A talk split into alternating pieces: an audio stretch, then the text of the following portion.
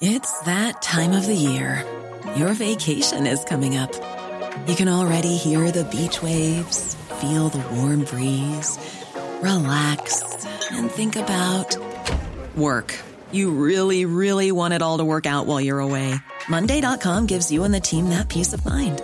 When all work is on one platform and everyone's in sync, things just flow wherever you are. Tap the banner to go to Monday.com. Hiring for your small business? If you're not looking for professionals on LinkedIn, you're looking in the wrong place. That's like looking for your car keys in a fish tank. LinkedIn helps you hire professionals you can't find anywhere else, even those who aren't actively searching for a new job but might be open to the perfect role. In a given month, over 70% of LinkedIn users don't even visit other leading job sites. So start looking in the right place. With LinkedIn, you can hire professionals like a professional. Post your free job on linkedin.com slash people today.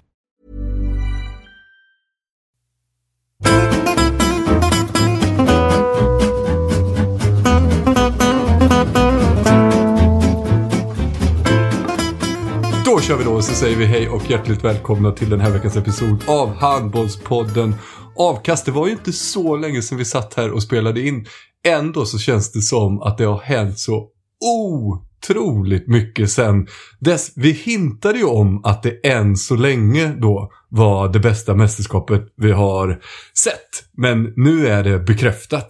Varenda match är jämn. Varenda lag som man vill ska vinna vinner. Varenda lag som man vill ska förlora förlorar och så vidare. Jag, jag kan inte tänka mig en bättre turnering. Och som grädde på moset så har vi fått en möjlig skräll ända hela vägen fram till semifinalen. Då i onsdags när vi spelade in tror jag varken att ni eller jag hade ägnat Österrike mer än en och en halv tanke det här mästerskapet. Vi pratade om att Schweiz kanske skulle vara en liten outsider till att göra någonting om de inte hade hamnat i en svår grupp och så vidare. Österrike sorterar man ju in, inte bara geografiskt utan även liksom kvalitetsmässigt lite i samma korg. Aha, jag tror du skulle eh, kategorisera in dem i Ungern, i, i gamla Österrike-Ungern. Ja, just det. Det var ju för sådana som har lite svårt på att skilja på Österrike och Ungern så måste man ju fått en, eh, en liten sån mindfuck i torsdags då när de möttes. För. Ungern Ja, mot. Österrike. derby, derby. I- verkligen. Internmatch i ett mästerskap. Ja, och, och där, där vann ju Österrike då med 30-29. Och sen så spelar de den här jävligt fina, tajta 22-22 matcher mot Tyskland. Vi, vi kanske inte behöver fastna i Österrike, vi kanske kommer tillbaka till dem. Men jag ville bara liksom nämna hur gött det är att de nu ligger i, ja men tillsammans med Tyskland i någon slags race om att göra upp om den där eh, sista platsen. Det finns ju några till som eventuellt skulle kunna blanda sig i. Eh, då tänker jag väl mest på Ungern och så kan det bli sånt trelagsrace där. Det har ju också hänt grejer på Sverigefronten va? Vi fick, Josef var det väl som lanserade idén om att eh, vi ska nog kanske inte vinna den här matchen för vi har bara en skräll mot Danmark i oss. Nu fick vi då den här jämna fina matchen där Danmark ledde lite men där Sverige i slutet såg starkast ut och vi var ett felaktigt domslut. Ett kompensationsdomslut ifrån att faktiskt få lika i den här matchen. Så självförtroendet är där på killarna. Kanske också revanschlustan och lite surheten över hur det blev. Så ja, vi ses i finalen dansken, säger vi väl.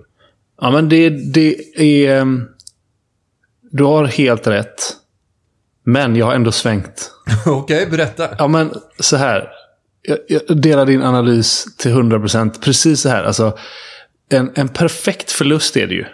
Exakt en sådan vi efterlyste. Att vi, vi gör ju inte en maxprestation på något sätt. Det finns massor att ta av i det svenska spelet. Vi, liksom, försvars och målvaktsspel är ju ganska dåligt i tre fjärdedelar av matchen ungefär. Anfallsspelet hackar lite. Ändå är vi som du säger ett mål ifrån. Eh, sen vet jag inte hur, hur mycket vi ska gå igenom den här kaotiska slutminuten. Det kanske vi, det kanske vi kan göra. Men eh, liksom, precis som du säger, vi har bara en vinst mot Danmark i oss på ett mästerskap. Och nu har vi alla möjligheter att känna oss lite, lite snuvade på det, lite bortdömda. Känslan att vi kan fan ta dem. Och dansken kanske känner att ah, shit, Sverige kan vi... Ja, de är kanske lite skärrade.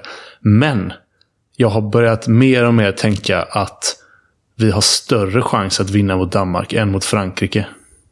Det är det som är mitt problem. Att nu ja. känner jag bara att fan, vi hade behövt den poängen. Eller vinsten mot Danmark för att slippa fransken i semi. Och då, visst, vi hade kanske torskat finalen då sen mot, eh, mot Danmark. Men nu börjar jag bli lite yxkastig att vi kanske inte når finalen. För jädrar vad Frankrike ser bra ut. De ser riktigt läskiga ut. Ja, men då gör vi så här då, att vi sparar Frankrike-snacket mm. till det absolut sista. Så har alla den nuggeten att hänga med i. Och sen kan vi säga att efter det sista, då, då blir det eventuellt lite bonussnack också. För Charlie Sjöstrand har lovat ett litet Sverigesvep va. Måste ju ha lite koll på vad som händer på hemmaplan. Men jag tänker att först kör vi igenom EM avsluta det snacket med fransken och hur den ska klås i en eventuell eller ja, nu det, det, är ju klart för Sverige att det blir semifinal. Men vi sätter eventuell då för att det inte är helt avgjort hur mellanrunda 1 kommer sluta ännu. Men det är mycket, nästan allt talar för att det är Sverige-Frankrike på den sidan. Jag kan också bara slänga in det nu med, med, medan jag kommer ihåg det. För jag kollade upp detta eftersom det är fredag kväll när semifinalerna går. Och det kanske finns andra, precis som jag, som har vissa planer på fredag kväll och undrar hmm, vilken tid kommer den svenska semifinalen gå? 17.45. Perfekt ja. om man exempelvis har bokat bord 20.00 på en tysk eh, restaurang och ska äta en liten födelsedagsschnitzel va? Grattis eller något. Fyller du år, Schelin?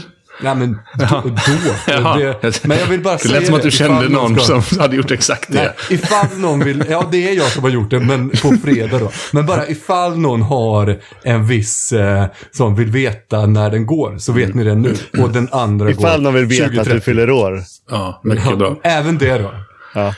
Vill ni nörda ner er, Josef? Vill du nörda ner dig i eh, liksom, Sverige-matchen mot Danmark? Är det, finns nej, det något intressant nej. i det egentligen? nej, inte nej. i själva matchen, men jag vill ändå, vi måste, det är, eh, hade ju varit märkligt om Sveriges största och bästa handbollspodd inte pratade om det sista minuten, alltså mm. det ändå som hände där. Liksom. Precis. Eh, så jag tänker väl att vi, vi kan väl hoppa direkt till matchminut 59 mm. 57, eller vad det nu var på klockan när de eh, blåste det där övertrampet på, på Vanne. Och vi får väl i och för sig backa banden till 59-43 då. Mm. För att det var ju efter det här otroligt märkliga fel, ja, feldömningar. Alltså, det är helt ja, otroligt. Ska vi backa det till 59-43 eller? Nej, det ska vi ju inte. Nej. fast det var ju då Nej. det hände. Så vi får ju backa ja, det dit. Men, men de skulle inte backa till sen. Nej, men Nej. fatta, fatta att vara domare liksom. Mm. Och alla, man ser ju liksom att de svenska försvarsspelarna frågar hur många passningar är det kvar? Han säger mm. två, säger han. Mm. Tydligt mm. liksom. Mm. De ser det, vi tittare ser det. Det är två Och när man drar upp två också, då, då, går det inte att göra misstaget att säga ah, men jag sa ju hur många det var gjorda exakt, kvar. Exakt. Det är samma gjorda, det är samma kvar. Alla vet. Ja. Exakt. Och sen så då, så, så tre sekunder senare så, så är det en passning. Och sen kommer två passningar. Mm. Och sen kommer tre passningar. Och då är det liksom som, så här, det är bort, som bortblåst mm. för eh, de här tjeckiska domarna. Är de, va? Mm. Eh, och eh, jag tyckte ju först, eller min take var ju först att jag tyckte att det var lite stort av dem att de liksom kunde lyssna på spelarna, eh, de svenska spelarna som protesterade vilt. Eh, och att liksom så här, ja men fan, vi var ju helt snett på det liksom. Och eh, här finns det ju inget annat att göra än att backa tiden och erkänna vårt fel. Eh, men dels då att eh, tydligen har det ju framkommit i efterhand att det, det, får man inte göra. Man får inte backa tiden. Eh, vilket ju då var fel ett. Och jag lutar ju mig lite till att de var väl medvetna om det där och då. Va? Varför gjorde eh, de det då? Ja, och eh, ja, det, det är en bra fråga. Jag tror att de liksom så här. Ja men gubbar, vi löser det här så som vi, vi brukar lösa det. Vi, vi, vi ger dem det här laget det. Men sen ser vi till att vi, vi hittar något på andra sidan. Ja, fast vad fan, det hade ju varit mycket lättare att lösa det. Gubbar, ni har rätt, vi gjorde fel. Men Mm. tyvärr får vi inte backa tiden, så ni har tre sekunder på er nu. Då hade de ju sagt... Ja, Ja, Ni, vet hur det är. Ja. Vi, vi får använda lagboken. ja, för då kan Ja, ju... förstå De kan falla tillbaka. ramaskrin som hade varit då. Jo, men... Alltså nu fick de ändå svenskarna du, du tycker inte det här var ett ramaskri, eller? Jo, att de det är gör klart, ett sinnessjukt felbeslut. De visste ju inte att Vanne skulle göra en tveksam felaktig Ma- spärr. Nej, men man kan ju alltid hitta någon. Det är alltid en tröja som dras i och alltid ett, eh, någon som är uppe på tre och ett halvt steg. Alltså. Ja, Fast nu är, en de ju helt, nu, alltså. nu är de ju helt borta från semifinal, de här domarna. Alltså det hade de ju inte hoppas det, varit. alltså. Ja, men det hade de inte varit. För de, jag tycker det här är ett av de bästa domarparen tycker jag egentligen. Ja, och de får ju alltid eh, fina matcher också. Ja. För Tjeckien kommer ju aldrig dit. Liksom. Nej. Man vet att de är trygga på det sättet. Så, så. Men, men en sak som jag tyckte var så märklig också i det här. Det är ju att liksom. Först så, så liksom börjar ska alla svenskarna skrika på dem. Att de. Okej, ja, vi, vi har nog gjort fel här. Vi ska gå ut och kolla video. Men först ska de snacka med delegaten.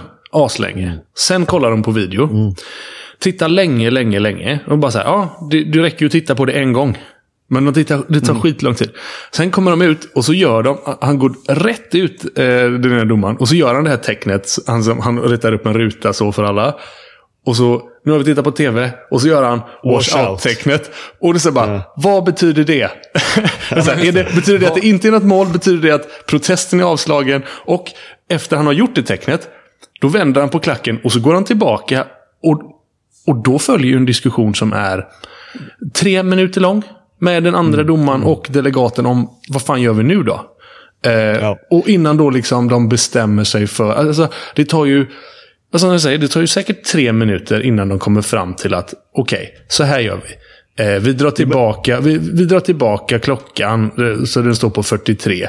Alltså så här, vad är det som Men det ska tar som hjälp? att, att Ni- Nikolaj Jakobsen står ju några meter bort och Mm. typ skriker att ni kan inte eh, dra tillbaka tiden. Mm. Så att det hade de ändå på något sätt... liksom- Han hade, ju det, han hade ju koll på det i alla fall. Ja, exakt. Och jag tänker så här, om man får höra det.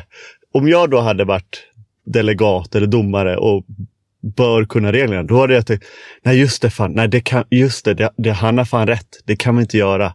Om, man, om det nu är, så. Det, det visste man ju inte riktigt själv. Eller man, man kan ju, jag har en podd och jag spelar handboll. Jag kan ju inte reglerna. Men det, det kan man tydligen inte göra. Men, men, men då hade Men man i alla jag fall blivit påminn om det. en, jag, jag gissar att delegaten också har en regelbok som de kan slå i lite fort. Om det nu ändå tar tre och en halv minut för dem att snacka ihop sig. Men ska vi bara säga det? Jag vet inte. Det hann väl inte bli jätteklart under tv-sändningen. Men i efterhand så har ju EHF skickat ut en Mm. egen, eh, vad heter det? Ja, kommuniké, typ. Ett klargörande. Precis, Ja. ett klargörande ja. Eh, Och, och sagt att det här var fel. Man får inte göra Mm. så här med tiden. Det var liksom ett, ett domarfel. Vi har inte fått in någon protest men om vi får det så kommer den Nej, och behandlas. vet du varför de liksom. inte fick en protest? Vem ska protestera? Ja. Nej, men för att, för att de blåste ju bort Sveriges mål. För att Ja. Sudan, Ja, de, men- de, visste, Ja, de allt, alltså, de hade ju det så Nej. jävla klart. Alltså. Men vet du vad jag det här tycker? löser vi gubbar. Jag tycker inte det här är domarfel. Jag tycker det här är delegatfel. Jag tycker det här är ytterligare bara lägg det på högen till varför delegater inte behövs. På riktigt. Om, Ja, de inte ens, verkligen. om, om- om delegaten inte ens eh, kan finnas som ett stöd för domarna. Domarna, liksom, den här matchen. Du kan tänka dig vilket tryck det är. Jag, jag fattar att man som domare inte heller direkt vet precis på sina fem fingrar. Okej, får vi dra tillbaka klockan här nu? Vad är rätt att göra? Det, men det ska fan du kunna om du är delegat. Vad är din uppgift? Du ska se till att det inte blir omspel. Att ingen ska kunna lämna in en protest. Eh, men det enda delegaterna gör, det är att dela ut varningar och tvåminutersutvisningar till, eh, till bänkar. Det är liksom det enda de gör. De gör fan ingen nytta. Och här gjorde han heller ingen nytta. Han stod där och tjötade med domarna i tre minuter. Kom fram till ett felaktigt beslut som hade kunnat leda till protest. Och hade Sverige Eh, hade Sverige gjort mål det sista där, då hade det ju funnits fog för protest från Danmark. Då hade delegaten misslyckats med sitt jobb. Alltså vad fan håller de på med? Jag har haft den där jävla delegaten som domare kan jag säga. Och eh, en av mina absolut sjukaste utvisningar fick jag av den. Så han låg ju på minus redan innan, det, det fanns här. ett horn i sidan. Ja, oj, oj, oj, det hornet. Det var, det var stort alltså, men nu har det växt monumentalt. Och jag är helt enig med dig Charlie. Alltså det är helt otroligt att handbollen också, som eh, uppenbarligen eh, man får ju säga att Hammarby är ju pigga på förändringar. Det ändras regler hit och dit och det är sju och sex och det är sex passningar. Nu är det fyra. Vi, vi liksom justerar lite. Men det här jävla delegatgrejen eh, alltså. Det är helt otroligt att det eh, får fortsätta. Alltså, så, så, för det ju, händer ju hela tiden grejer med delegater inblandade. Eh, mer ofta än domare nästan. Att det är så här, hur fan lyckades ni med det där liksom? Mm. Nej, det är helt otroligt. Ja, får jag bara säga väl... en, Ja, ja, bara ja, säga en, en, en sak. till de sista minuterna. Mm. För jag ska bara, ja, men det handlar egentligen inte om det, men jag ska bara haka fast lite vid det som eh, Charlie var inne på kring det här med video proof, heter det väl i, i handbollen, med det här eh, videosystemet. För vi har inte riktigt pratat om vad vi Nej. tycker om det, eh, tänkte jag. Och jag vet ju generellt, din inställning, Emil, är väl väldigt negativ, eller? Mm, generellt ja. sett, även om jag tycker att så som det tillämpas i den här turneringen, typ en gång per match. Det mm. tycker jag är en rimlig mängd eh, att använda ja. video. Jag hade ja. till och med kunnat tänka mig att låta varje lag ha en challenge per halvlek där man får använda det. Men, ja, men och, och jag, jag, pratade med en, en fotbollskompis om det igår och sa att jag tycker det stör mindre i handboll än i fotboll. Mm. Just mm. att man, man stoppar tiden och det blir ändå lite sådana stoppningar. Så ja, håller det på den här nivån är jag nöjd. Ja, och, och jag är enig i, i det att så här, det är inte så irriterande. Men en sak som jag inte riktigt förstår, och det var väl lite det som kanske Charlie var inne på, även om jag pratar mer generellt. Det är att jag tycker att de sölar så jävligt. Alltså att ofta då så det är en situation domarna går alltid ihop, har en liten minikonferens, eh, alltså, eh, eh, där det då händer och så antar jag att, ah, såg du vad som hände? Nej. Såg du vad som hände? Nej. Ska vi gå ut och titta på den? Ah, tycker du det? Ja, men ska vi inte göra det? Jo, vi, ja, jo, men vi gör det. Men är det här en, liksom... är det här en uh, match uh, subdubi situation where exactly. we can use this video proof? I think so. Ja, May, maybe we should ask the delegat. Och han säger jajamän. Ja, och så var det inte det. Och så, och så, och så liksom så här, promenerar de lite långsamt ut. Tydliga mm. tecken, tv-tecken. Nu är det tv. Oj, oj, oj. Går långsamt ut den söta lilla skärmen, Den söta lilla skynket ja. de har över skärmen tycker ja, jag. ja. Lyfter på skynket. Tittar många gånger och det är väl fair enough. Det ska vara noggrant om man väl ska ut och titta. Det ska bli rätt. Men jag, bara, jag får bara bryta in där och säga att jag hoppas fan att de bilderna som de ser är bättre än det vi får se i tv. Nej, de det, det jag, tror det är exakt de, jag tror det är exakt de bilderna. Ja, men det, det tror jag då tror jag, eller då är min upplevelse att det är svårare att se på de bilderna. Ja, han videonissen som sitter där, han, han har ja. ju ingen känsla för vilken, så här, vilken vinkel ska det vara liksom. Nej, Nej det... och ofta så ser man så här, men han, han visar inte en situation. Det var en jättetydlig idag mot Portugal ju.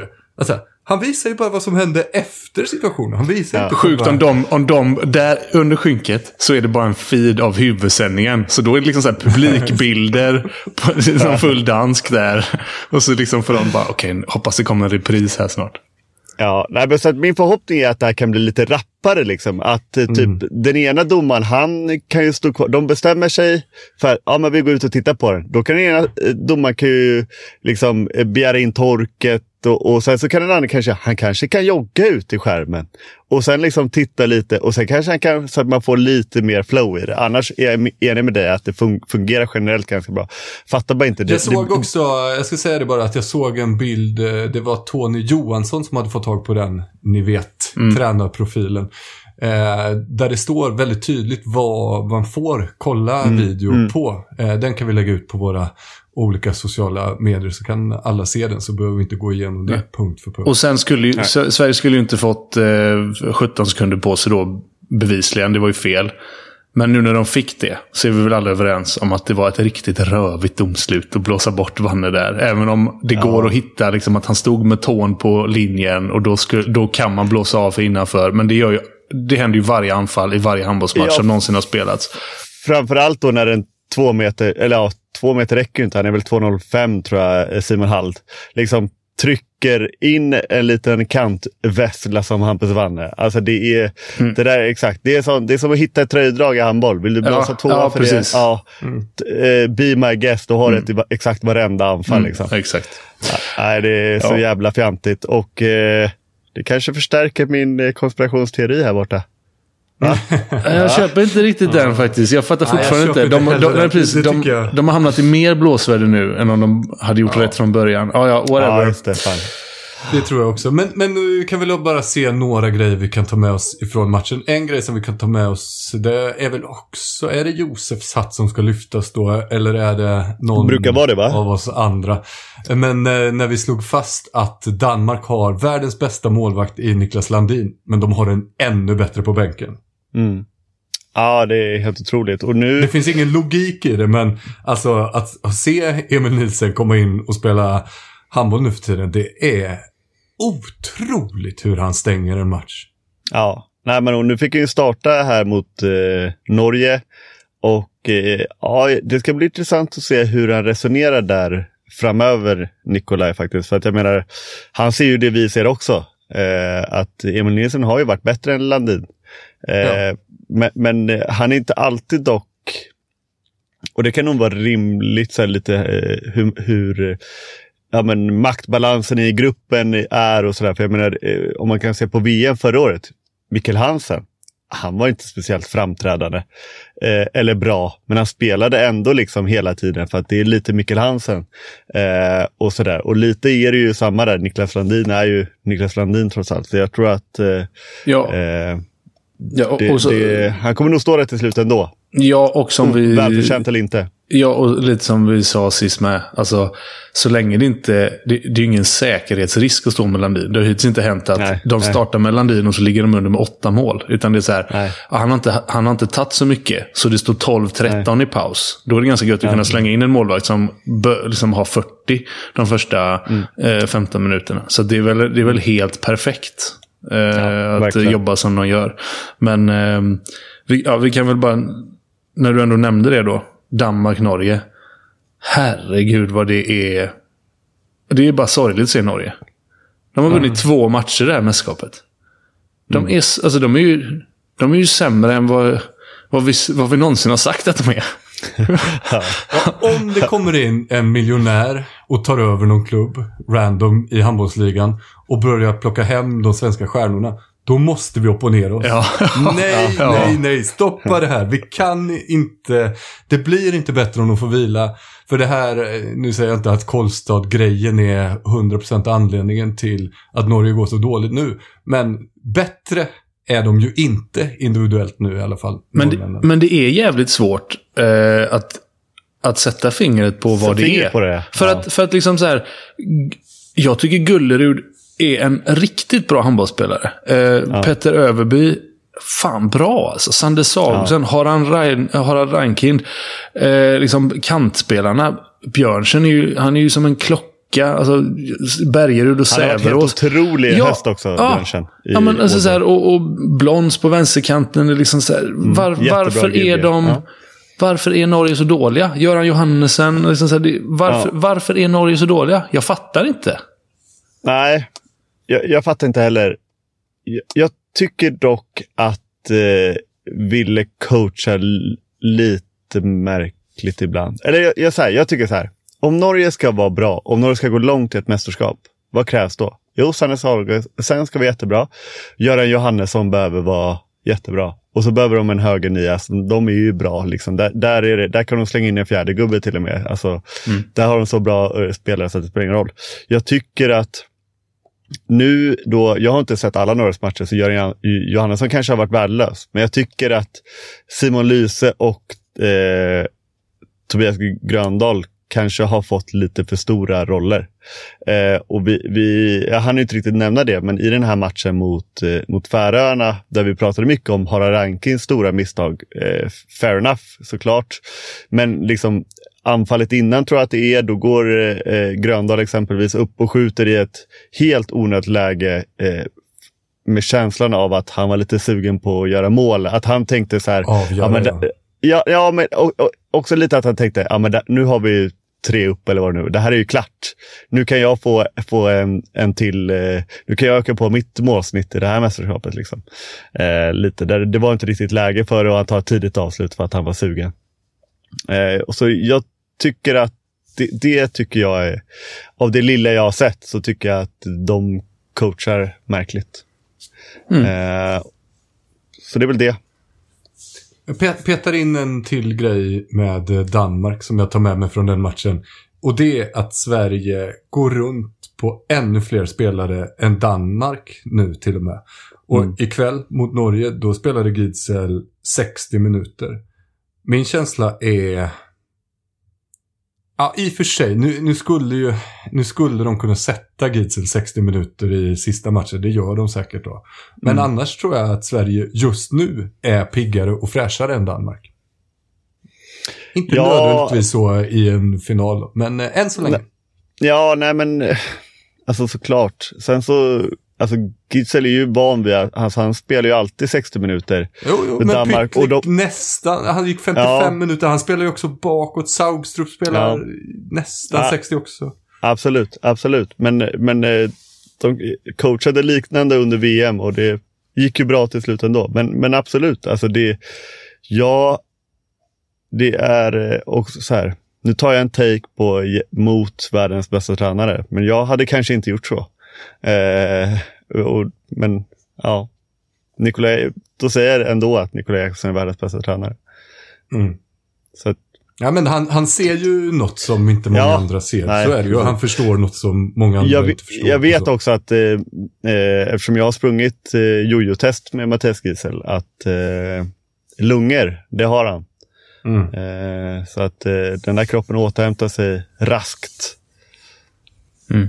Mm, bra, det var väl ungefär det jag hade. Ska vi säga något om eh, Sverige också? Det kan väl vara lite roligt. Framförallt då eh, ja, men hur det såg ut mot Danmark och sen idag när vi hade då en eh, som eh, Leif Loket Olsson skulle kallat det då kvartsfinal mot Portugal. Och gjorde en ganska övertygande insats. Vad tar vi med oss?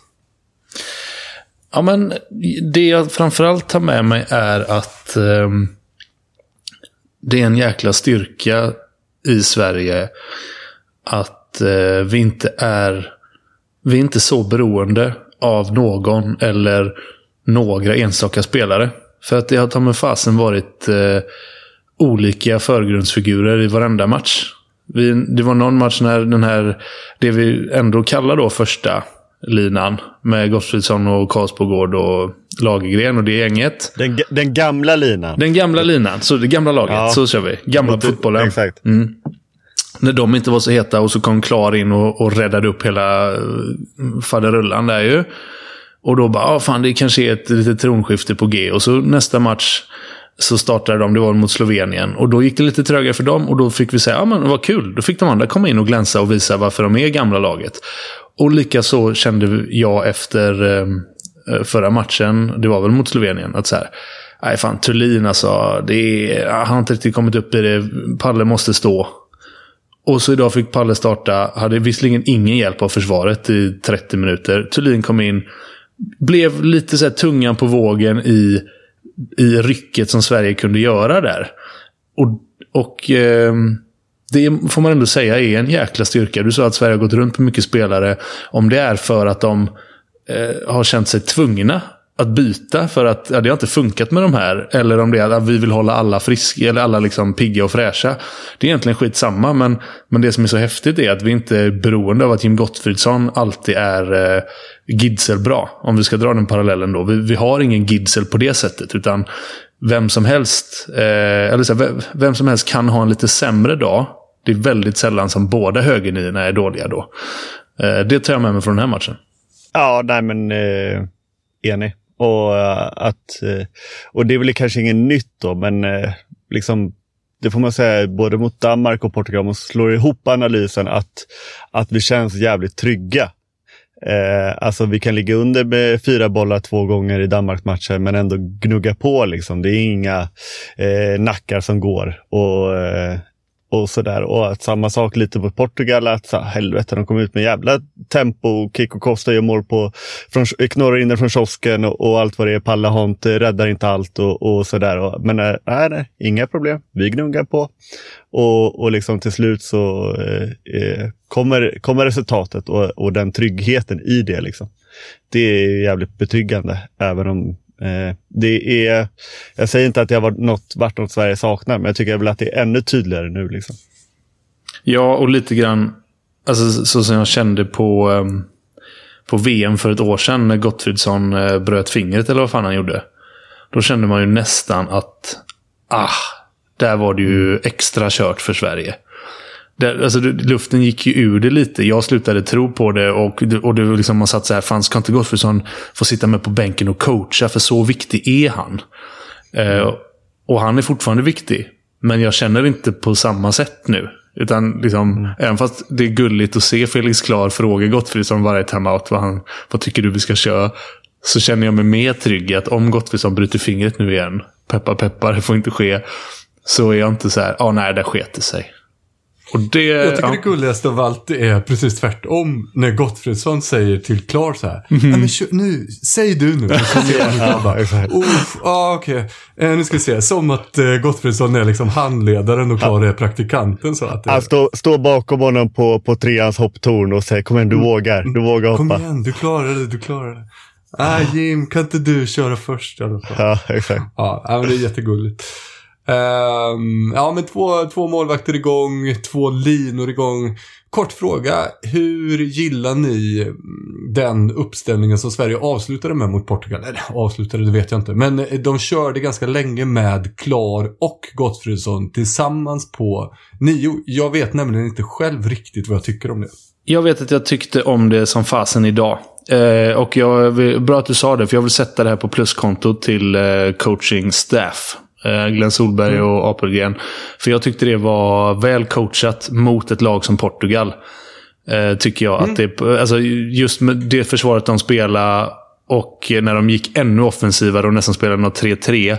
Tycker jag var helt klockrent att köra med både Klar, Gottfridsson och eh, Lagergren. Alltså tre så genombrottsstarka och individuellt skickliga nio Då tycker jag det var jättebra coachat. Ja, och det var väl lite det, jag minns inte riktigt vilket avsnitt i leden det var, men som vi pratade om eh, när vi pratade om de här linorna och jag vände mig lite emot det. Så här, jag har inget emot eh, lintänket, kan man säga så? Men, men eh, jag, jag vänder mig lite emot stelheten i det eh, som då hade visat sig. Och eh, det eh, vet jag att jag sa att det ska bli intressant att se hur hårt de håller på det. Och det här visar ju då på den här flexibiliteten som jag efterlyste. Så att det är, är eh, skönt att den existerar så att säga. Mm. Mm, och så ska vi möta norsken då i en match som inte betyder något längre för oss. Bara kort där då, hur skulle ni coacha den? Ja, det är fan en bra ja. fråga.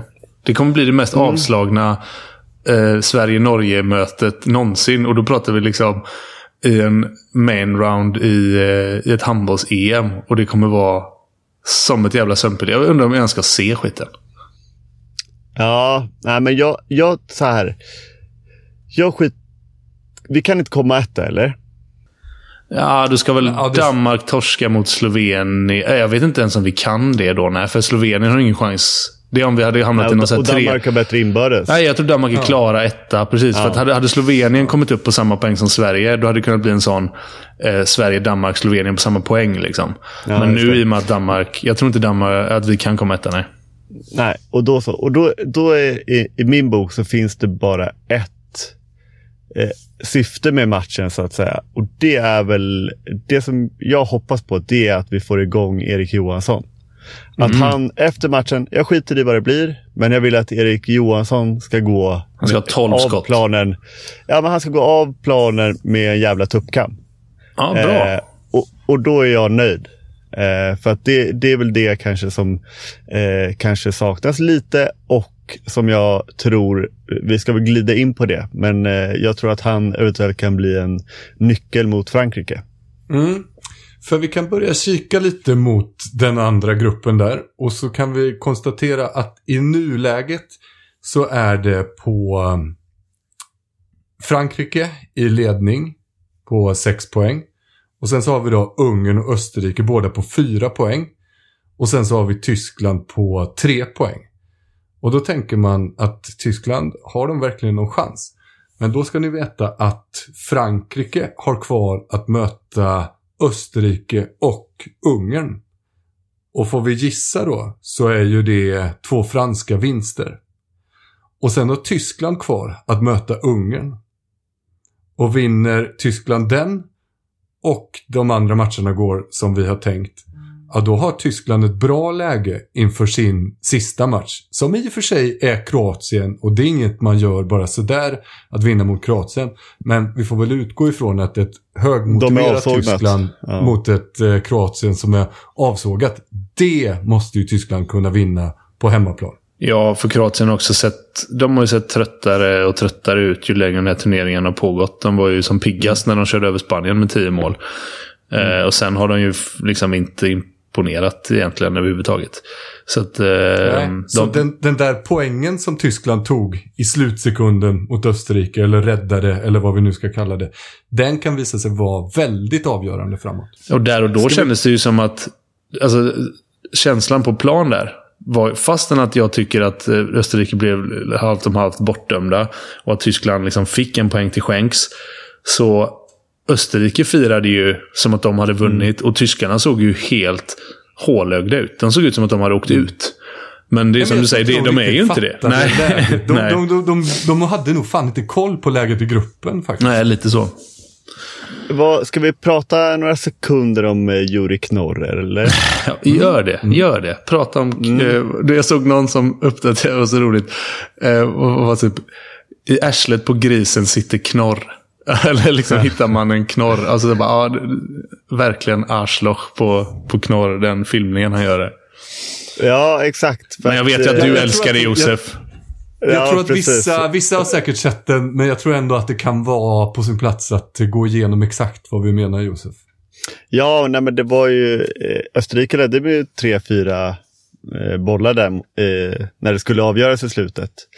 Eh, och eh, tyskarna åt sig så sakteliga i kapp och lite avgörande i 5-6 då så eh, filmar sig Knorr, alltså en regelrätt filmning liksom, till sig en felaktig spärr och eh, som gav då eh, jag vet inte exakt i vilket anfall i ordningen det var, men det var i alla fall väldigt viktigt eh, för Tyskland. Hade, eh, de hade kommit fria Österrike och eh, eventuellt gjort mål och, och avgjort matchen. Liksom. Så att det var ju match, en matchavgörande filmning så att säga. Och han har ju fått så oerhört mycket kritik, eh, i alla fall på de svenska handbolls eh, sociala medierna. Eh, och eh, jag misstänker att vi står i lite olika ringhörnor här.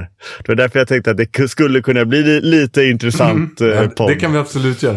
Jag ska bara föra in att det var Ola Arnskill som la, eh, la ut det på sitt eh, Twitter. Där kan man gå in om man vill se situationen. Det var han som sa mm. i rövet på scenen sitter knorren. Ganska ja. roligt formulerat. Charlie, ja, vill verkligen. du börja med att redogöra din position? Då? ja, alltså, jag känner att det är lite överdrivet att jag är i någon ringhörna. Jag är inte så upprörd som jag kanske ger sken av här. Men eh, nej, jag tycker väl att det är oskönt gjort såklart. Jag, ja. Sådär. Men uh, ja, låtsas men, inte att du håller med Josef. Du tycker det, jag vet att du tycker det är 100% gött gjort. För att nej, det är smart. Och det är domarnas uh, jobb att hålla koll på det. Och han försöker bara vinna. Och vinnare gör sånt. Och, så här, och jag, min, ja. grund, min grundinställning till idrott generellt, och det kan ju låta jävligt högtravande, men jag håller inte på med sånt. Jag, och jag tycker inte man ska hålla på med sånt. Jag gör inte det. Och jag tycker heller inte att man ska hålla på med sånt. Jag tycker det drar ner idrotten. Och det finns, ja. Jag vet inte var gränsen går. Jag kan inte säga att så här, förstärkningar alltid är hundra. Jag är inte svart eller vit, men jag vet att det här var på fel sida. Jag tycker att det här var mm. grisigt gjort. Griseknorren. Ja. Eh, och, och, jag håller ju med i att det var grisigt gjort. Eh, och oskönt och, och vad du nu än sa. Även om jag, jag har inte dialekt eh, sådär som du. Men jag eh, respekterar det.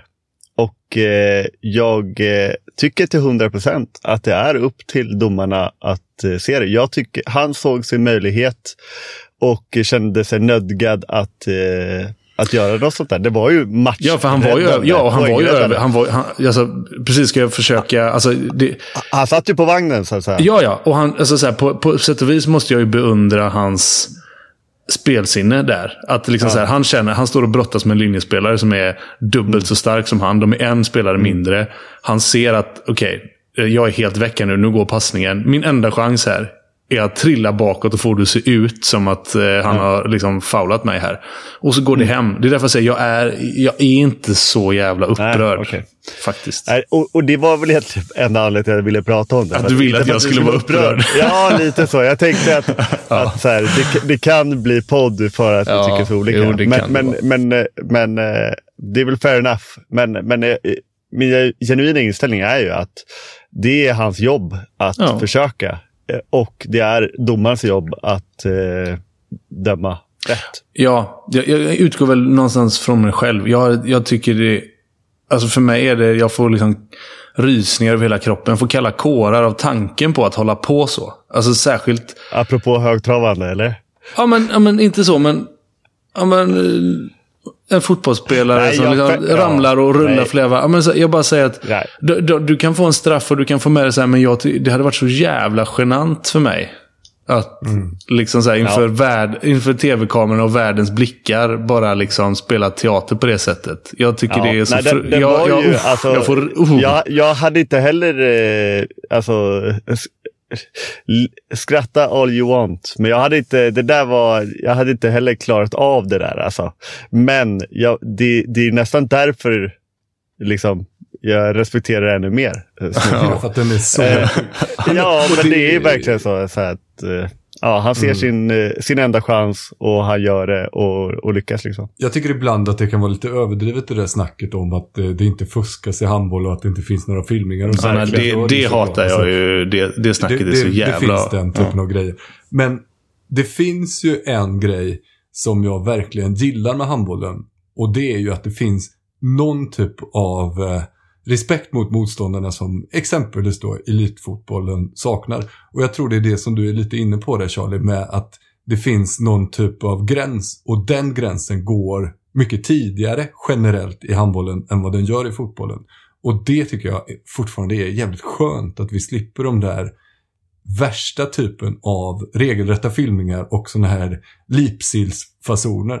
Så därför så tycker jag den här har jag inga större problem med men det är jätteskönt att den eh, typ fördöms lite och att man ja. tycker att det är fånigt gjort. Så att det inte sprider sig. Nej, det, och det håller jag egentligen helt med om. Alltså jag, eh, liksom, som sagt, jag tycker att den är oskön och den är över gränsen. Men, men mm. Ska man filma någon gång, då är det ju när en match nästan är körd om mm. man inte gör den där filmningen och så. Det, det, det, det, och det gjorde han. honom också. Mm. Ja. Äh, äh, ska det vara en gång i livet så ska det väl vara där då. Om man ska mm. Och hade det varit Gottfridsson så hade jag kanske stått i Josefs ringhörna. Ja, ja. exakt. Vänta, på, kort nu när vi har en sån här där man skulle kunna ha olika positioner. Gottfridssons mål idag när han gör en kullager och kommer runt och sen skjuter bakom ryggen. Mm, det är jättefult. Den, den lyftes som ett av de Turneringens mål. Turneringens mål.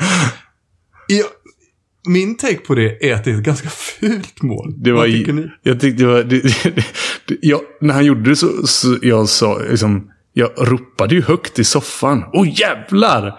Men, ja. liksom, men det ser ju Det finns ju en anledning till att man aldrig har sett honom göra det innan. Det såg inte ut som det naturligaste Nej. i världen. Nej.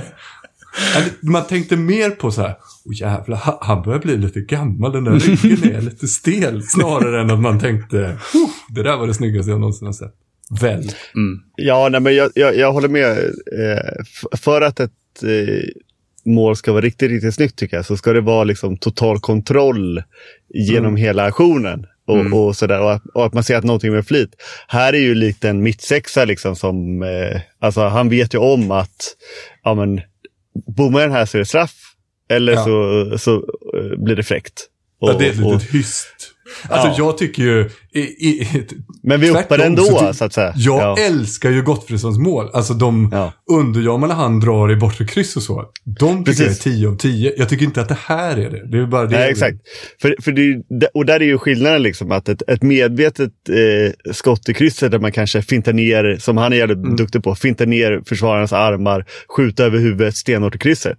Det är ju snyggt för då har han kontroll hela vägen och han dikterar allting. Ja, han det är mycket lurar försvararen, lurar göra. mål. Precis, precis. Det här är ju bara så här, ingen balans, jag får straff, äh, jag drar bakom ryggen. parallell man kan dra är eh, hur mycket uppmärksamhet och uppskattning sådana här inövade, avtalade japaner får. Där liksom man gör ett eh, utspel till kant som hoppar på minusvinkel och så kommer det en eh, ytternia eh, på motsatt och så en japan. Och så, det är effektivt på alla sätt. Jag har inget emot att man gör det. Men det blir ofta så här.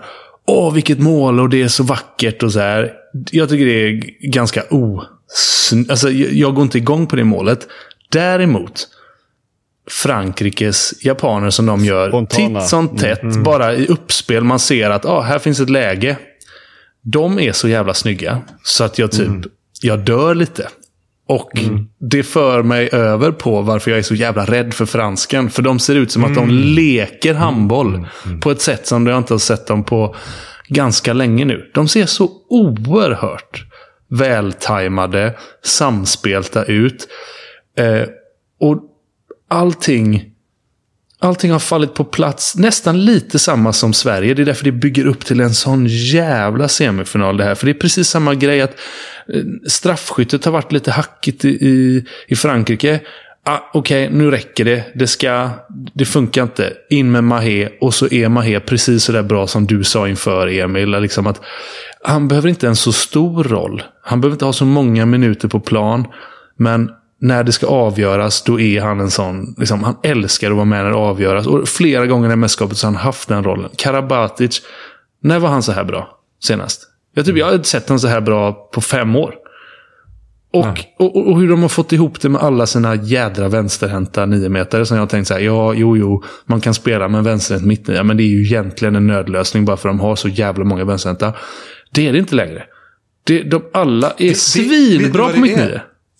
Vet du vad det är? Hur de har löst det med Re- Remeli? Det är exakt en omvänd Fernandes. Att man tänkte hela tiden när de körde då med högerhänt högernie. Så tänkte man, det här är ju inte så bra, det här kommer säkert inte hålla. Nej, men så vann de varenda turnering i tio år med honom på högernie. Nu är det precis tvärtom med Remeli. Det ser verkligen inte naturligt ut att ha honom på mittnie. Och jag tänker också precis som du Charlie, att nej, det här är en nödlösning, det här kan ju inte gå. Nej, men de vinner varenda match. Ja. Och de andra, det är också att eh, både Dicka Mem och Melvin Richardson de ser mycket bekvämare ut i platsbytena när de kommer in i mitten. För innan har jag tyckt att ja, Remeli han kanske kan liksom göra starterna, men han är ju också så här. När alla i grunden är vana vid att utgå från högernia och vänsterhänta spelare är ju ännu mer inrutade i sin position. Ja, alltså så här, en högerhänt niometerspelare har ju någon gång Alltså, ja, de är ju mer Han har ju flytande. varit liksom. Han har ju varit, ja, precis. I, i, i ungdomsåren, ja. Precis. Medan en högernia är en högernia, en högernia, en högernia. Kanske en högerkant liksom. Eh, som en annan eh, Valentin Port. Men det är ju det som är så häftigt att se. Att vem som än kommer in här nu, om det är så en jugge, en växel, vad det än är. Helvete vad bekväma de är där inne. Dicka Mem, Richardson, Remili som du sa. Och vad det har lyft Karabatic. Vad gött det måste vara för en 40-årig Karabatic att få glida med lite grann för en gångs skull. precis. att det inte, Inte han, slita han, ska- hund, ja, alltså. han ska inte starta allting. Vare sig från vänster eller mitten. Utan han kan gott förvissa sig om att när Dicka Mem, en av världens bästa spelare, kommer in och gör ett gött nedhåll. Och Fabregas håller ner den andra trean. Då kan han liksom lite grann. Ah, jag hinner gå på utsidan här och få en passning i precis rätt läge. Och så gör jag tre mål den här matchen. Han har ju blivit Fernandes på så sätt. Ja, alltså då var det. det ju Narciss det. och Karabatic. apropå det omvända då. Att Ja. de, nu är det den, eh, den dåliga länken, eller, eller den här Ja. feliga länken på vänster för att Då var det Karabatic och Narciss som bara löste allting. Innan Mm. Fernandes fick bollen. Och då kunde han säga, ska jag ta den här gatan mellan 1 och 2 eller ska jag spela ut den till Abalou? Ja. Och, och, och så är det ju för Karabatic nu. Liksom. Och, när han, och, och ibland då när han bara, ah, okej, jag går inåt den här gången då. Och jösses vad mycket tid jag har. För att här har Fabregas hållit ner en, som jag sa, han, det här är ett nedhåll. De här försvararna är på 7,5. Jag kan gå in på 8 och skjuta. Det har inte jag kunnat sedan jag var 25. Alltså, han, så han går ju upp och smiskar nu. Från 15. Ni, ja, men typ. precis. precis. Så han, han går Ja, in och skjuter Champions hopps. League när han var 19 liksom. Ja, jag vet. Ja, Det är så stört alltså. alltså han är ju inne och skjuter på 8,5. Ja, då är han fortfarande ganska bra. 40-åriga Karabatic. Så att det, det, nej, de ser så hemskt jävla bra ut. Och Prandi, din gamla... eh, Som, det är den som du har dragit en Käpphäst, lans ja. för. Ja, men Ja. du har verkligen i flera mästerskap nu. Nu fattar jag vad du snackar om alltså. Vad bra han är när han inte är knivskuren grabben. Nej, men liksom, Mm. han, fan vad han... eh, Han har, han har gjort skillnad också. De ser äckligt jävla bra ut. Det, usch, det enda, de har ju inga målvakter bara. Vet du vad jag känner, vet du vad jag känner nu? Jag, jag känner nu att vi... Eh, visst fan har vi ett extra avsnitt på oss, eh, i oss på onsdag va? När grupperna, när main round... Oj, jag skäms lite för att jag sa main round. Men, nu gjorde jag det. Och nu får jag väl ha kvar då. Men den, eh, när de två main roundsen är klara och vi har en eh, lite luftig torsdag innan vi ska gå in i semifinalerna på fredag. Visst fan har vi ett avsnitt då va? Ett inför av eh, semi-avsnitt ja. Ja, alltså, och final. med- Ja, ja, ja, jag menar absolut. Mm. det. det. Visst har vi det i oss? Ja, Absolut. Bra, då, då, kör vi, då kör vi på det. Och så säger vi då att det man ska hålla koll på det är ju ikväll då 2030 Tyskland mot Ungern. För den kommer vara viktig för hur det ser ut på den sidan liksom fortsättningsvis i mellanrundan. Nu är jag tillbaks på gammal sjö. Kvällens Skönt. nugget. Välkommen tillbaka. Ja.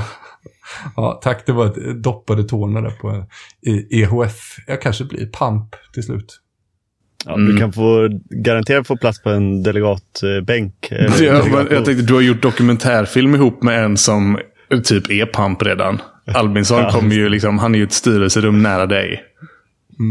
Och så drar han in mig lite. Det är väl så det funkar, tänker jag. Precis. Ja, men då, då stänger vi, tror jag, EM-dörren där. Vi kan väl bara så, Island, fy fan, det, det var inget kul att se. Stackars de isländska inte ett fansen. dugg synd. Hem, hem, kanske dags att... eh, Då, då, ha, Hem till sina lavafyllda hus och Ja. ladda om. Ja, jag vet inte. De kommer väl tillbaka. Och så eh, Kroatiens, de här unga målvakterna. Eh, gud vad bra de är också. Har ni något annat litet som vi ska ta med oss? Mm, Nej. nej. Härligt med... Jag tror inte det. Jag tror inte härligt det. att se. Jag, tycker man kan, eh, om man inte har sett Österrike än så länge, så kan man se dem någon match eller två och njuta av eh, att eh, Webers hand, handled fortfarande är precis lika blöt som den alltid har varit. Och han, han verkar liksom på hugget. Han springer och hyschar mot publiken och gör eh, liksom tecken där han drar sig över flinten när han eh, flippar över målvaktens huvud och så. Så Weber, en behållning än så länge.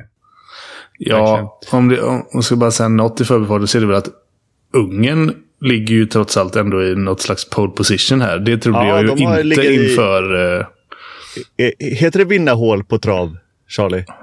Pass. Oh, det här ska vi kolla. Tony Johansson har lovat mig att om jag behöver en travreferens igen så ska han skicka den till mig. Så jag, jag ska kolla upp vad det, eh, vad det nu kan tänkas eh, vara då. Ja, jag tror att det heter Jag det. körde alltså. min enda Formel 1-referens här när jag Ja, sa pole det. position. Ja, ja, Jag vill det. bara säga då, Charlie, för det, det är lätt att tro att Ungern ligger i det eh, hålet. Vinnarhålet. För att det ser, ja, för att det ser så ut på olika resultatappar och så. Men det den väger in är målskillnaden, inte inbördes möte. För Österrike vann trots allt mot Mm. Just Ungern. det. De, Ungern ligger skitdåligt. Du stryker det här. Ja, de ligger i 3D in. Ja, exakt. Det är det sämsta man kan göra som häst. Ja, jag tror det. Ja, det är jättedåligt. Uselt. Ja, men med det då så stänger vi EM-dörren och så säger vi kika in på på torsdag förmiddag för då ligger det ett eh, härligt litet eh, extra insatt avsnitt då där vi summerar main rounds och blickar fram mot semifinal och final. Och så rör vi oss då till Sverigesvepet va? Vill du börja Charlie? Ja, men det kan vi göra. Jag, hade ju ganska, jag inledde 2024 med att ha ganska mycket, jag tänkte säga SOE-fokus, men det heter det inte längre. Det heter Handbollsligan Dam. Eh, men så kom ju det här mästerskapet, det kom ju på så snabbt. Så att vi liksom körde ju ett köttigt inför-avsnitt där. Men jag hade ju Ja, som sagt, jag har haft ganska mycket sånt handbollsliga-fokus. Det har ju hänt en hel del där. Eh, mm, så du jag tänker... hade ju till och med några förberedda punkter då. Aldrig ja, men jag har jag trodde... mig så, så taskig som jag sa. Nej, Charlie, det blir inget med de punkterna. men jag tänkte, det kan jag bidra med. Och så bara, just det, ja, fan, det är ju, EM börjar ju i veckan här nu. Så jag, det, det är fullt rimligt. Men jag, det känns som att vi liksom får anledning innan det har gått en hel månad här nu. Så det, ja, det, det händer hänt grejer. Så mycket. Ja. Mm. Det har ju faktiskt det. För, eh, då hade ju då hade ju bland annat Skuru åkt på eh, sin första torsk liksom, mot eh, Kungälv mm. av alla lag. Detta Kungälv som... I Nacka Bollhall. I Nacka Bollhall. Detta Kungälv som, eh, som aldrig liksom eh, har tur. Utan alltid har stolpe ut och tappar poäng i slutet. Och så vinner de mot Skuru. Eh, och till saken hör att det var ju tre, fyra ordinarie borta. Bland annat då Ellen Voutilainen, Klara Pettersson Bergsten och Felicia Palm Robertsson var borta den matchen. Och det var lite, alltså, det här faller ju nu då, men det, det som jag tänkte säga var att det var, det var så himla on-brand Skuru, för det var så hysch-hysch. För eh, liksom, kommentatorn som kommenterade matchen, han sa vid upprepade tillfällen ja, Skuru vilar ju de här tre spelarna inför seriefinalen mot Sävehof. Och jag bara så här, mm, mm. Var har du fått det ifrån? Och det har han ju fått, givetvis. Då har han ju pratat med någon i Skuru inför matchen och frågat liksom, om några borta. Och jag kan säga, det finns inget lag som är så nojigt som Skuru. Alltså de tar lower body injury till en helt ny nivå. Liksom. De, de, så här, de vill helst inte säga vem som inte är med. Och de ska alltid så här, jag vet inte vad de tror liksom. Men, så de hade väl sagt till honom då att men vi vilar spelare. Men det kunde man ju räkna ut att det är klart man inte gör. Och om du gör det, när du är Skuru då som har tre avbytare per match i vanliga fall. Ungefär. Då, om du ska vila spelare, då vilar du dem på bänken så att de ändå kan hoppa in om det håller på att skita sig. Om som det, gjorde sig. mot Kungälv till exempel. Utan, mm. Och det var ju givetvis inte så, utan det var ju liksom det var ju sjukdomar eh, och framförallt visade det sig då att Ellen Voutilainen hon hade dragit korsbandet. Hon ska vila länge tyvärr. Hon ska vila jävligt mm. länge. Eh, vilket är, ja, det känns ju pisstråkigt liksom. Och ett mm. sånt jäkla slag eh, i magen mot Skuru. Och hade det inte varit för att jag en gång gick ut jättehårt och sa att nu är det kört för Skuru. När Ulrika Olsson lämnade, alltså under... Ja, under I fetfyran dessutom. Ja, ja precis. Eh, och då sa jag, det kommer aldrig gå nu. Det är den viktigaste spelaren. Eh, lite samma känsla är det ju här. Alltså, visst, Bjärrenholt, Rebecca Nilsson, men Ellen Voutilainen, alltså den i särklass bästa försvarsspelaren i ett lag där det inte finns jättemycket försvarsspelare så ser det ju tungt ut. Eh, och då torskade de mot Kungälv som sagt. Och sen var det den här seriefinalen, då skulle de följa upp med mot Sävehof. Och där vann ju Sävehof till slut med tio mål tror jag. Eh, så det kändes ju sådär... Ja, det var ju piss och skit för Skuru och det blir nog inget roligt det här. Men handbollsligan har ju visat sig vara helt... Alltså handbollsguden har ju verkligen hittat i handbollsligan dam den här säsongen. För, mm. för Skuru har ju inte, alltså så här, de, de reste ju sig, hör, fick chansen mot eh, serieledaren Sevov och vann med ett mål. Det var också så här, det såg man inte komma. Eh, under tiden så har då Önnered, som alltså ska vinna hela ligan är det ju tänkt. de har ju alltså torskat mot alltså jag ska bara för, det, var, det, är liksom, det är inga dåliga förluster här. De torskade med 12 mål. Mot eh, nej, 11 mål mot Kristianstad. Följde upp det med torsk hemma mot Västerås-Irsta. De har ju varit helt under isen. Men sen åker de då och vinner mot Hör på bortaplan. Efter, liksom bara efter att Hör har slagit Sävehof på hemmaplan. Alltså det finns ingen logik i någonting så här. Skövde, som skulle komma trea, ligger nia utanför slutspel. Hallby som skulle komma sist, enligt, vissa, enligt vissa riktigt dåliga tippare, de ligger fyra just nu. Alltså det, det, är, det är en häftig serie som håller på just nu samtidigt som mästerskapet pågår där nere i Tyskland. Det är egentligen bara det jag vill lyfta här. Mm, ja, och... jag noterade, jag, jag, ville bara, jag, jag, hade en passus att skjuta in där under Skurusnacket, men jag ville låta dig dra igenom hela resultatraddan. För just nämnda Ulrika Olsson har ju gjort comeback, om ni har sett det. Hon har ju kritat på för Bayern va, ska spela division 2 norra. Det, var faktiskt också, jag tänkte också kliva in på det, för det var lite roligt. Jag vet inte om jag förstör något apropå sånt här, eh, att vara lite... Lower body injury. Lower body injury. Men, men eh, hon kritade på liksom och det eh, gjordes grejer på hemsidan och hon gjorde debut och sådär mot eh, Tyresö Strand tror jag. Eller något sånt där. Och sen så eh, träffade Martin henne Eh, Martin Dolt, min gode vän, eh, någonstans på stan. Liksom. Ah, men gud vad kul att du eh, har signat för Bayern liksom. Och Ulrika bara, ja ah, jo, men det blev lite väl stort det där. Alltså, jag, jag skulle ju bara spela en match. Mm. så, så, så, vi får aj, se aj, aj. vad det blir av, av uh, Ulrika Olssons uh, Hammarby-karriär. Aj, aj, aj, vad säger uh, men, men jag hade också en, en liten till grej där, för det var ju inte tyvärr bara Ellen Voutilainen som har drabbats av korsbandsskada. Mm. Utan i, i den matchen som du nämnde och eh, kommenterade Charlie mellan Sävehof och, och Skuru så gjorde ju även eh, Oliver Mellegård eh, illa sitt korsband för tredje gången då, om jag inte är felinformerad. Och eh, det, det eh, är ju så jäkla tungt att se såklart. Och man såg ju hur, hur, hur eh, alltså, spelarna påverkas. Och Thomas Axnér satt på läktaren och, och såg in, eh, såklart inte helt munter ut. Eh, och det var liksom, Sävehof har ju sällan mycket publik. Men, men var det någon gång man hade önskat att det var fullsatt och tjo och kim så var det i den här matchen. För det liksom, det skriket och det liksom tystnaden som det blev i, i hela eh, Partille Arena och man bara hör eh, Olivia Mellegård, eh, liksom, hennes eh, känslor och, och tårar och bankande i golvet. Det var, det, det var så att man började grina nästan hemma mm. i, i soffan. Alltså, det är så jävla tungt att se. Eh, Ja, det var typ, det var, alltså det var precis, den obehag, alltså det var så obehaglig känsla i den hallen. Ja. Det var nästan så att vi det kändes som att vi var tysta i två minuter. Det var, det mm. var säkert inte så lång tid, men det kändes så. Vi visste inte vad vi skulle säga. Vi, det kändes mm. som att vi typ ville börja grina. Och, eh, mm. och just som du säger, att det var inte...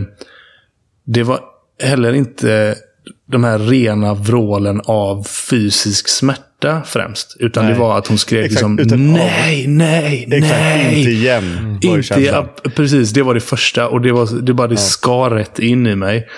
Och mm. sen så gjorde det så in i helvete ont på henne. Men det var liksom, smärtan var en blandning av eh, liksom Jag har varit med om det här ja, förr. Ja. Det var psyk. vet vilket helvete det är hon är på väg in i. Liksom. Precis. Ja. Och som ja, jag fattade det som så inför, in, innan denna då så har hon en på vänster och en på höger. Och det här var då eh, den, eh, den första korsbandsskadan som hon fick 2020 tror jag. På vänster knä. Eh, och nu var det vänster knä igen då. Och den var ett risk... Den var en... Ehm, Ja, det var ett riskknä eller vad man ska säga. För den operationen mm. gjordes tydligen på det gamla sättet. Och det högra knät mm. som den senaste korsbandsskadan gjordes på det nya sättet. Och fråga mig inte vad som skiljer dem åt. Men tydligen så liksom har den läkt på ett bättre sätt. Så att det fanns liksom eh, i kalkylen att ja, vänsterknät, där är det lite, lite större risk att det ska gå åt helvete igen. Och så var det precis det det gjorde. Men och det, fan, hon missade förra OS på grund av korsbandsskada. Och nu ja, är det, det OS-år igen. Och det är bara... Och vänsterkant som har varit många år ett problem för landslaget. Alltså, nej, och, men, men framförallt för hennes skull. Alltså komma tillbaka tre gånger från en jävla korsbandsskada. Ja, det är, men det, det, lilla ljuset i mörkret är ju som du säger att det är inte tre på samma knä. För nej. då misstänker jag att det är, då är det väl tack och godnatt, antar jag. Ja, alltså två korsbandsskador på samma knä. Ja, alltså, så här, vad fan vet jag. Men jag, tror, jag känner till spelare med två korsbandsskador som liksom så här, ja, gnuggar vidare. Ja, uh, ja och de började och sen, liksom eh, säsongen med två landslagsmässiga kanter.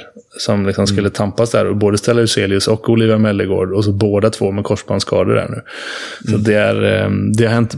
Uh, ja, en del sjuka resultat, men också en del jävligt tråkiga grejer eh, i ja, handbollsligan idag. Ja, verkligen. Det finns ju en nugget där i... Ah, det, jag vet inte. Ja, jo, men Halby möter Hör eh, i helgen. Mm. Den, det laget som vinner där blir eh, ensam trea. Nu mm. ligger de på samma poäng. Alltså, jag, jag... Ja, det vet ju alla som lyssnar. Håller ju på Hallby liksom. Men jag var ju lite inne på din linje Charlie. Kanske inte sist trodde jag inte Hallby. Jag trodde att, faktiskt att de var bättre i år än förra året. Men det här... Men med supporterglasögon? Ja, visst absolut. Men de brukar ju vara yxkastarglasögon om mm. något. Sådär. Men alltså det är, men, bara, men, det är bara en person som har tippat den sist. Det, ja, det, det, det, är bara en. ja, jo, men, men jag vill bara föra till protokollet att hade någon sagt att de skulle eventuellt ligga trea nej, så här långt nej. in i serien. Det hade inte en enda människa trott. För, och så som handbollsligan ser ut på de sidan så är det ju en jävla stor skillnad mellan att komma fyra och trea. För vi är väl ganska eniga även eh, du då Charlie, med ditt tipparöga om att Sävehof, Skuru, Hör och eh, Önnered är lite i en klass för sig och så kommer eh, de andra lagen eh, där i ett eget litet sjok efteråt. Så att komma fyra eller femma, ja det är lite sak samma men kommer man trea då mm. är det jävligt bra helt plötsligt. Ja, men det påminner ju lite grann om... Alltså Kungälv hade ju en sån här säsong för ett par säsonger sedan. När, när de var också nederlagstippade och så kom de. De kom topp fyra till och med tror jag. Eller fan det blev. Och sen åkte de mot Lugi ändå. Eh, de kom fyra eller femma. Och det var så här. Ingen såg det komma och det är jävligt häftigt eh, när, när det sker. Så att man... Nu hejar man ju lite grann på Hallby av den anledningen. Att liksom, fan vad, vad coolt att göra, ja, men vilken jävla resa. Och det blir ju det blir ju historiskt, alltså inte bara damernas första slutspel, det är ju Hallbys första. Herrarna har ju fortfarande inte lyckats med det. Nej. Eh, alltså så här, och det, ja, det enda streck, det är häftigt att de enda strecken som de ska hålla på och slåss kring, det är liksom huruvida det blir kvartsfinals eh, fördel, kvart, hemmaplansfördel, kvartsfinal eller semifinal, snarare än liksom kommer man på fel sida kvalstrecket neråt. Ja, ja det är och, otroligt. Och det befäster ju bara det vi har pratat lite om. Eh, ja, jag minns inte när det var, om det var inför den här säsongen eller redan inför förra eller under förra, att eh, handbollsligan dam har blivit så pass mycket jämnare. Att mm. det är inte bara liksom en, en, en, liga för att se eh, Sävehof vinna 3-0, 3-0 eh, ja, då var det väl en SM-final, men vinna med 10 i, i, i Malmö Arena. Liksom. Utan nu, nu händer det grejer både kring alla streck och, och övre strecken och, och allt vad det nu är. Liksom. Och det är så jävla kul och så jävla välbehövligt. För att eh, det spelar ingen roll om det är handbollsligan, SOE eller, eller spanska herrligan. Liksom. Alltså eh, att veta på förhand Nej, det, det tar ju död på mycket. Ja. Det tar ju död, är, vad fan ska spela 28 matcher för eller vad det nu är. Liksom. Precis. Det, är det är verkligen eh, kul och ja. en nyttig ingrediens. Ja, och det är, det är en, eh, alltså så här, när EM röken har lagt sig och man känner den här lite postdepressionen komma som man alltid gör efter ett mästerskap. Mm. Så är det trots allt, alltså det, det är mäktigt att herrligan drar igång igen, men det är en cool vår vi har på damsidan med. För det är många, alltså de här lagen har varandra kvar att möta, många av dem. Så det är så jäkla mycket som kommer hända från där, alltså hur tabellen ser ut idag till hur den kommer se ut när vi eh, ja, går in i slutspel. Och på tal om nuggetar och intressanta våga, vårar. Vi måste bara blicka lite ner åt eh, allsvenskan till också. Och nu eh, glider vi över på herrarna då. För det första kan vi konstatera att Helsingborg fortfarande är obesegrade och nu är det bara en tidsfråga innan det blir matematiskt klart att Helsingborg går upp. Därefter kommer Valberg och Skånela som har gjort bra säsonger. Men lyssna nu ska ni få höra från fjärde plats ner till fjortonde plats. Fyra Västerås, Irsta, Västerås 20 poäng. Femma Vinslöv 18 poäng. Drott 17 poäng. Lindesberg 15 poäng. Tyresö 14 poäng. Karlskrona 14 poäng. Kungälv 13 poäng. IFK Ystad 13 poäng. Reberslid 12 poäng. Anderstorp 12 poäng. Torslanda 11 poäng. Alltså det är så jävla jämnt. ja, och RIK med tre raka utan torsk nu gubbar. Vann mm. ju liksom eh, de, efter den här förmatchen vi hade dagen innan nyårsafton så knep ju RIK båda poängen mot Drott på bortaplan. Eh, och så spelade de Eh, alltså vann de mot Torslanda hemma och idag, när den här podden spelas in, så slog de alltså, eller nej, kryssa mot Lindesberg. Så att de har hittat någonting gigant, Mm. eller eleganterna. Mm-hmm. Både IFK Ystad och RIK som väl får räknas som de i särklass mest klassiska av lagen i, i Allsvenskan låg ju sist och näst sist. Nu ligger de ju 11-12, det vill säga på kval neråt. Så att det mm har hänt grejer, men de är fortfarande långt ifrån säkra. Ja, ja, ja. Nej, nej. Men, men även där då så är det ju så att det är många av de här lagen som är... Alltså RIK har många av de här lagen kvar att möta. Och givetvis är det samma för Åh, de jävlar. lagen då. Tänk att jag glömde en drott i Ja, ja. klassikersammanhang. Christian Albinsson kommer, det här kommer... Ja, förlåt, drott. Delegatbordet är borta. Ja, det är... Gud, Och vi, och vi behöver inte rabbla allting, men det är många av de där lagen som du nämnde där, eh, som, liksom, som ligger väldigt nära varandra i tabellen som ska mötas. Men liksom, sista omgången den 26 mars så är det RIK Anderstorp. Och det är de två. De ligger just nu på 12 poäng båda två. Och RIK har liksom släppt in tre mål färre, eller gjort tre mål mer. Vad fan det nu är. De har tre mål bättre målskillnad än Anderstorp. Det är det enda som skiljer dem åt just nu. Alltså det är ju upplagt för en god jävla allsvensk vår också. Ja, och med tanke på att det är tio poäng, eh, eller tio lag som slåss om eh, mellan fem poäng eller vad det nu var, liksom, så är det, det kan ju hända så mycket fram tills dess också. Alltså varje omgång kommer ju röra om i den där tabellen. Eh, så att eh, ja, man börjar ju sukta efter ett litet Solid Sport-inlogg alltså. Helvete. Så är det verkligen. Men ska Ja, vi, det ska var vi gå upp? Sverigesvepet Nej, va? men vadå? Ska vi, Nej, vi vi, upp måste, vi måste gå Ja. upp igen. Ja, Alltså, ska vi upp... eh, Ska vi, okej, Tränarkarusellen. vi- På övertid på Sverigesvepet Ja. så noterar vi då att Önnered har gjort klart med en portugisisk tränare. Och skickat en före detta avstängd eh, spelare som blev tränare till just Portugal. För Kristoffer Brännberg ska spela handboll för en Champions League-klubb nu, tydligen. Och han spelade för kroppskultur i lördags eller söndags för en vecka sedan. Tror jag. Då var mina döttrar och tittade på Krippa i eh, Partille Arena. När han spelade med div- kroppskultur division 1. Så det, det, är svårt, det är svårt att inte prata om Önnered. Hur vi än försöker. Fan vad ni gör det svårt. De har värvat Andreas Nilsson under det här mästerskapet. Vi har inte Alltså- ens sagt det. Stycket är ju också klart ännu. Men, men stycket kommer ju i sommar. Mhm. Portugisen som jag förstår det kommer nu och har option på två år förlängning. Så Ja, ah, nej, precis. Och nu har jag ju inte namnet här för att eh, vem fan har koll på det? Silva eller Men, något. Ja, säkert. Men det är ju, jag tycker att det är faktiskt är skitkul. Eh, alltså jävligt eh, spännande grepp och framför allt, jag kan inte tänka mig... Men ett- har du någonting att gå på där Josef, mer än nationaliteten? Nej, eller ja, jo. Det jag vet är att han har varit assisterande i Porto som ju är någon typ av, via Magnus Andersson har ju de någon typ av samarbete Ja, med. Porto och Önnered. Eh, så att jag tror att det är där kontakten kommer ifrån. Liksom. De har, ha- har haft lite så här, Ja, Det stämmer. De tog, ihop. ja, men fan, de tog in någon kubansk målvakt i något kval för några år sedan, Önnered, som eh, hade kopplingar men- till Porto. Ja, och jag tror att de har något så här FC Porto eh, sportlov camp. Kanske där Magnus Andersson då var tidigare och kom dit och, och höll i träningar och sånt där. Så de har ju något typ av samarbete. Och han har varit assisterande där, vilket liksom, det talar, säger ju någonting. Och han var också förbundskapten, ungdomslandslagsförbundskapten för ett av de mest framgångsrika portugisiska landslagen någonsin. Som ju är den generation, generationen med bröderna Costa. Eh, som vi såg eh, eh, mot, mot Sverige idag. Så att eh, det, alltså så här. De bytte Krippa mot honom rakt av bara. Så.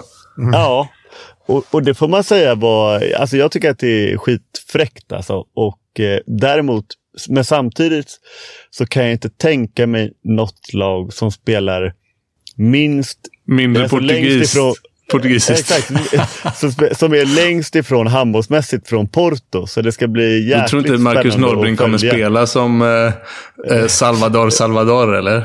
Ja, Kanske, eventuellt samma frilla tror jag ligger eh, närmare till hands. Men, ja. Nej, men, så det ska bli skit, jättespännande. Och, Och- Men, men också då apropå tränare då så får vi ju nämna då att eh, Stian Tönnesen har fått besked om att lämna Kristianstad. Jerry Hallbäck och Tommy Atterell har fått besked om att eh, de inte ska vara kvar i, i Aranäs. Eh, ja, det är väl det. Är väl det. Eller, men det, det räcker ju och, och blir över så att säga. Ja, att och det, och det är fler som ska bort från Kristianstad, vilket vi visste, men vi spekulerar lite vad det innebär rent konkret. Och då, alltså att Klöve inte skulle vara kvar, det, det fattade man ju, för han var på lån. Men Jorma Åström och Klöve är väl klara för Göppingen. Precis, Eh, bägge så- två. Eh, Hampus Henningsson har fått veta att han inte får förlängt. Gustav Banke ska ju vara klar för franska ligan. Anton Hallén ska, ska lägga, av. Så han kan spela legendmatcher bara. Bara ja. Och, eh, och som sagt, ny tränare då som, som ska ja, bo, dels bo i Kristianstad men också verka mer i föreningen. Så det låter ju lite som en, en tränare som kanske är lite billigare med tanke på det förhandlingsläge som Sten Tönnesen hade för två Och år då sedan. läste jag precis innan vi började spela in eh, Robin Nilsson, Kristianstadsbladet, som slog fast att det är Anders Hallberg. Han slog Som- fast det. Han slog fast det? Mm. Okej. Det är ett Det, offensivt val på något sätt. Det är ja. ja, vågat. Men kanske, han kanske är, kanske är billig då, Anders. ja, billigare i alla fall. Men, men Min känsla är att han är under kontrakt, så att då får de väl på något vis köpa ut honom gissa. Men ja, jag- det, ja. Det, det, nej, men det var det det spekulerades om i, om det var Aftonbladet jag läste det i. Eh, så att det, ja, men det... Ja, Också jag- jag spännande. att det- Också skitspännande Ja, ju. jag tycker också att det är skitspännande, precis. Alltså jag vet inte riktigt, eh, ska man inte vara taskig mot någon, men eh, de hade ju kunnat eh, hitta någon gammal eh, gubbe någon annanstans. Eh, Jo. alltså det är ändå ett nytt och ungt och spännande namn så att eh, vi, vi får väl se vad, vad det landar i. Eh, Det var Sverigesvepet tror jag. Det var, Det var det. hela podden det, tror jag. Tack som fan för att ni har lyssnat hörni och eh, vad roligt vi har det under det här mästerskapet. Så Mm. roligt så att vi hörs igen då på torsdag morgon. Här kommer Genesarets sjö. Rötterna blir starka när det blåser Luften blir friskare när åskan går Det blåser på Genesarets sjö och likaså på Gallerivlö Dina kyssar smakar smultron och mjölk Drömmen ska brinna om ett annat liv Låt ditt hjärta slå ett extra slag Planning for your next trip? Elevate your travel style with Quince. Quince has all the jet setting essentials you'll want for your next getaway, like European linen, premium luggage options, buttery soft Italian leather bags, and so much more. And it's all priced at 50 to 80% less than similar brands. Plus, Quince only works with factories that use safe and ethical manufacturing practices. Pack your bags with high-quality essentials you'll be wearing for vacations to come with Quince. Go to quince.com slash trip for free shipping and 365-day returns.